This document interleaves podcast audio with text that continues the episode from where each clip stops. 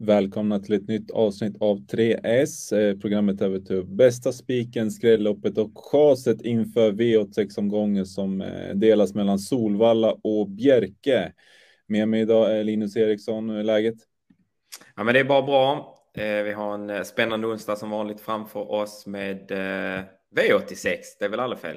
Nej, V86 är ju ett spel som ja, krävs väldigt lite för att det ska ge bra betalt. Så vi kör igång direkt med bästa spiken.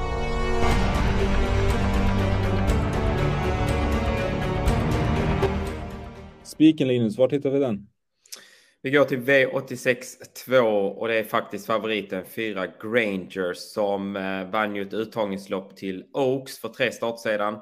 Tog då hand om ledningen från innerspår och eh, vann sedan säkert. Sen räckte hon inte riktigt i finalen där, fick ju stryk av eh, stallkamraten Adriatica bland annat som plockade ner henne. Eh, senast var det då tänkt att hon skulle ta lite revansch i ett Breeders Crown eh, semifinal. Det blev tyvärr startgalopp, men hon såg ju fin ut i övrigt. Nu tror vi istället att revanschen kommer här. Hon har lottats till ett bra fjärde spår, vill alltså tidig ledning och väl i spets så tror vi att hon blir svår att besegra. Spiken alltså, nummer fyra, Granger i V862.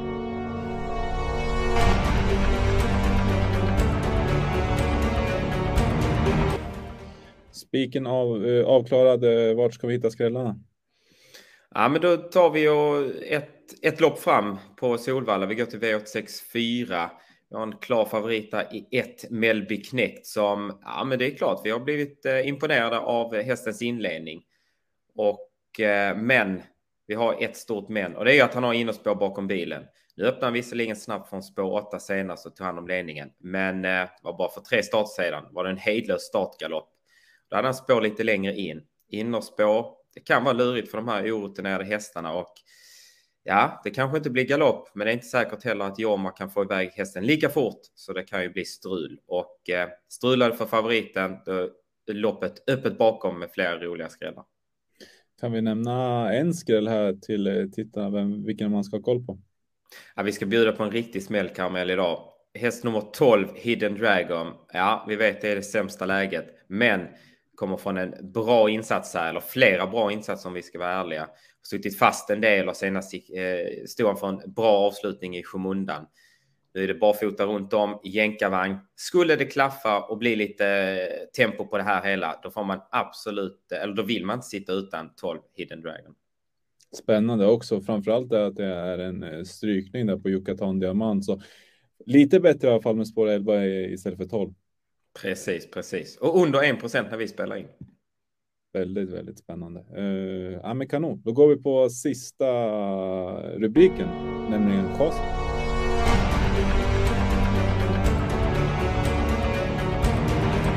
Vilken eh, häst chasar vi ikväll Linus?